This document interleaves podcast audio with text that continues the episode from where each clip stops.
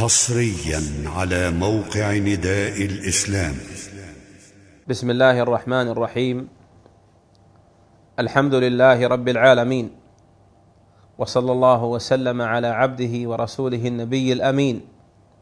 وعلى آله وأصحابه الطيبين الطاهرين. ومن سار على نهجهم. واقتفى أثرهم. واتبعهم وأحبهم وذب عنهم إلى يوم الدين. وسلم تسليما كثيرا. أما بعد أيها المسلمون أحييكم جميعا بتحية الإسلام. فالسلام عليكم ورحمة الله وبركاته. وحياكم الله إلى لقاء متجدد نتذاكر فيه وإياكم ما ينفعنا ونتواصى فيه على تجنب أخطائنا وأغلاطنا. التي قد تقع منا بقصد أو بغير قصد.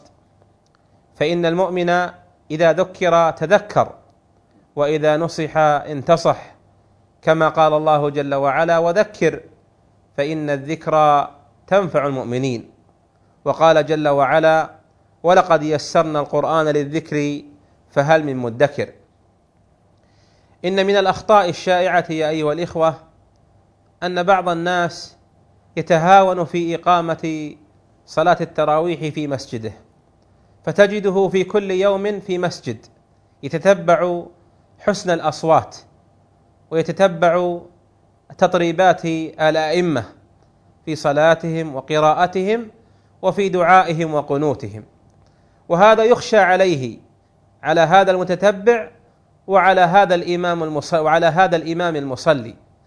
يخشى عليهم من الرياء ومن اتباع حسن الأصوات وحسن الأداء بالقيام والقنوت والدعاء لا قصد أداء العبادة في الصلاة مع الإمام وإقامة الشعيرة في المسجد.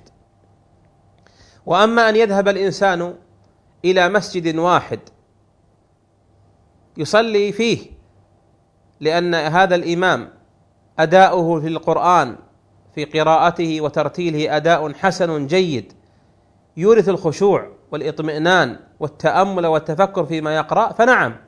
أما أن يكون في كل يوم في مسجد كما يفعله بعض شبابنا فإن هذا مما يخل ومن الخطأ الشهير الذي يفضي والعياذ بالله إلى ما ذكرت لكم من العجب وإلى المدح وإلى الرياء التي هي من أشد الأمور ابطالا واباقا للأعمال.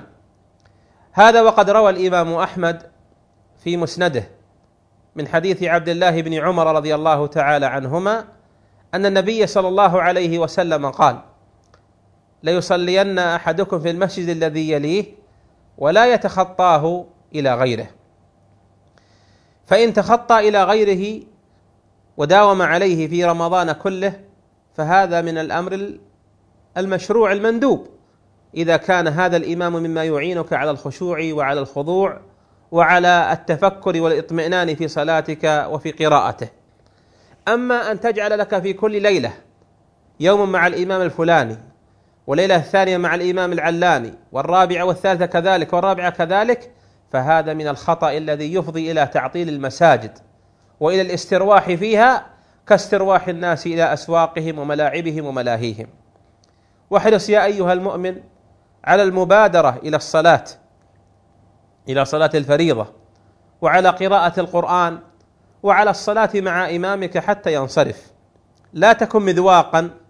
صاحب تذوق كل يوم في مسجد تتذوق حسن الأصوات وحسن الأداء وحسن القنوت. من الأخطاء الشهيرة في هذا الباب أن من المسلمين من لا يخشع عند سماعه كلام الله فتمر عليه الآيات القارعة. القارعة للقلوب المجلجلة لها في العذاب الذي يصيب أهله أو النعيم الذي يصيب أهله ولا يتحرك من ذلك قلبه. ثم إذا قنت الإمام فأتى بأنواع القنوت وأنواع الأدعية المستغربة أو المهيجة للصدور والنفوس تفاعل معها وربما خشع وبكى وصار له الصوت النحيب والنشيج في بكائه. أين كان من الخشوع عند سماعك لكلام الله؟ الذي هو أشد ما يكون على المؤمنين اخشاعا. ذكر الله جل وعلا عن القرآن في سورة الحشر في آخرها قال لو أنزلنا هذا القرآن على جبل لرأيته خاشعا متصدعا من خشية الله. لم تخشع مع كلام الله وبكيت وخشعت و وندبت في كلام البشر إن هذا مما يجعلنا نقف مع أنفسنا وقفات للمحاسبة وللمراقبة. أقام فينا تأثير دعاء الناس أشد مما قام فينا من وعد الله ووعيده في كلامه القرآن. هذا مما يجب أن ينتبه له انتباها عظيما. إذ يخشى منه فساد النية وسوء الطوية التي انبنى عليها قلب هذا وأمثاله.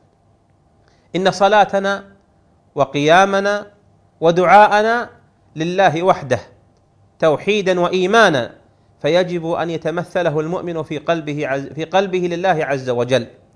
واحذروا يا أيها الأئمة ويا معاشر القانتين ويا أيها المصلين احذروا ويا أيها المصلون احذروا من مداخل الشيطان عليكم بالرياء وبالإعجاب. فبعضكم قد يعجب بهذا الامام ثم يكون الصلاة لأجله لا لله. وإن كان هذا الشيء قد يكون خفيفا مستترا خفيا في القلب لكن يحذره الإنسان أن يتمادى به إلى أن يستحكم على قلبه. وأنت يا أيها الامام ويا أيها المصلي والقانت احذر تجمهر الناس عندك أن يفسد هذا نيتك وطويتك وقلبك. فيكون صلاتك تكون صلاتك ويكون قيامك للناس لإطرابهم وتهييجهم وإثارة مشاعرهم لا يكون ذلك لله عز وجل.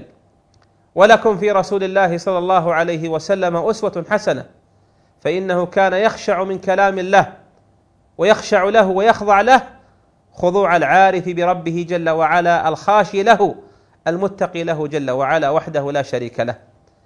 كان عليه الصلاة والسلام يمر بالآية آية الرحمة فيقف عندها ويسأل الله جل وعلا من فضله. ويمر بالآية آية العذاب فيخشع عندها ويستعيذ بالله عز وجل من أسباب سخطه وعقوبته. وربما قام عليه الصلاة والسلام بآية واحدة يرددها لأنه استشعر معناها وعظم الله جل وعلا بها بتعظيم كلامه.